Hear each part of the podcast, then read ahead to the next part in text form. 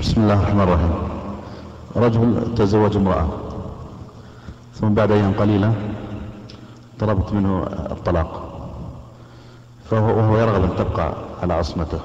فقال بعد الدخول فقال إن شئت خالعتك فرفعت نفسها للقضاء. قضاء يعني المحاكم في الكويت الدستورية. وحصلت على الطلاق وهو يرغب في بقائها معه فهل يقع هذا الطلاق؟ الحمد لله رب العالمين وصلى الله وسلم على نبينا محمد وعلى آله وأصحابه أجمعين هذه المرأة التي سألت زوجها الخلع والخلع معناه أن يفارق الزوج زوجته بعوض هذا هو الخلع سواء كان العوض منها أو من أبيها أو من رجل أجنبي. ونحن نقول أولا لا يحل للمرأة أن تسأل طلاق طلاق زوج أن تسأل من زوجها الطلاق. لأن النبي صلى الله عليه وعلى آله وسلم قال من سأل زوجها الطلاق من غير ما بأس فحرام عليها رائحة الجنة.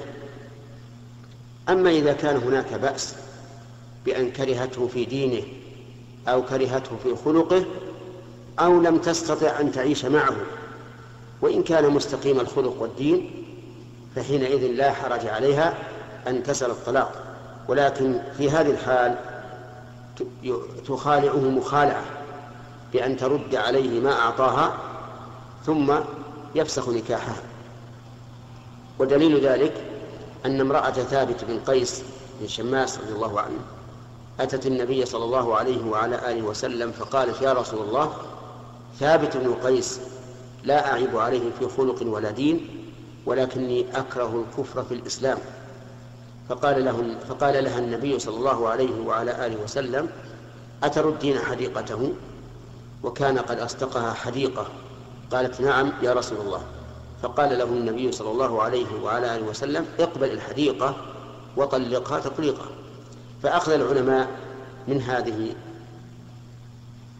القضية أن المرأة إذا لم تستطع البقاء مع زوجها فإن لولي الأمر أن يطلب منه المخالعة بل أن يأمره بذلك. بل قال بعض العلماء يلزم بأن يخالع.